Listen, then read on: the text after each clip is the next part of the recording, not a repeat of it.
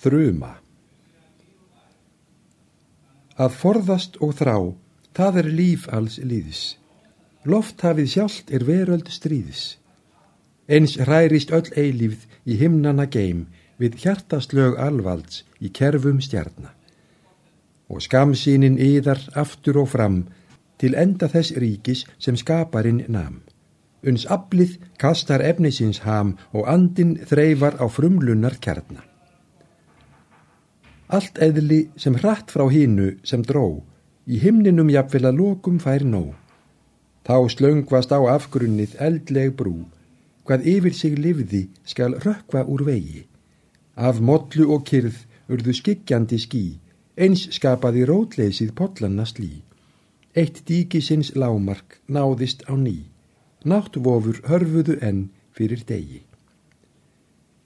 Við sögumst þungt um vorn sveikafrið, þá sögunarblaði skal snúið við. Þá fólk undir legarans lágu þögn við ljóstandi elding af svefninum rekkur.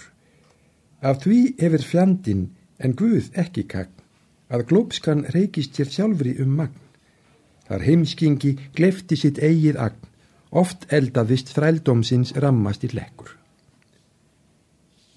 Hingað ei lengur, hendi er lift, á himnana vegg stendur drottins skrift. Þér byggduð í lofti í hillingahöll, hún reynur í rústir og korlmirkar toftir. Menn dreymir um komandi dómsins kall, er dynur bergrött við klett og fjall. Um drungahengjunar rapandi fall rópar þruma, eldingar dóttir. Og ljósvaldur kastar loganum fram, hann laus bislar kraftanna þeisandi gam. Almáttka veran, eilíf og sæl, slær orðurlausri þögn yfir döðlegar varir. Við hlustum á Guð, hvað er moldar mál, er myrkvarnir höggvast með liftrandi stál. Tímin er komin, nú tendrar sín bál tjaldbúðin helga með blaktandi skarir. Sem ljós eitt má bregða ljóma í höll, hver lofteind á kraft fyrir þúsund tröll.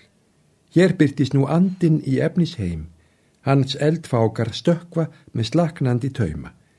Og þó fyrir hver regndrópa orka í átt, sem orð eitt af sannleik að hinstu fær mátt.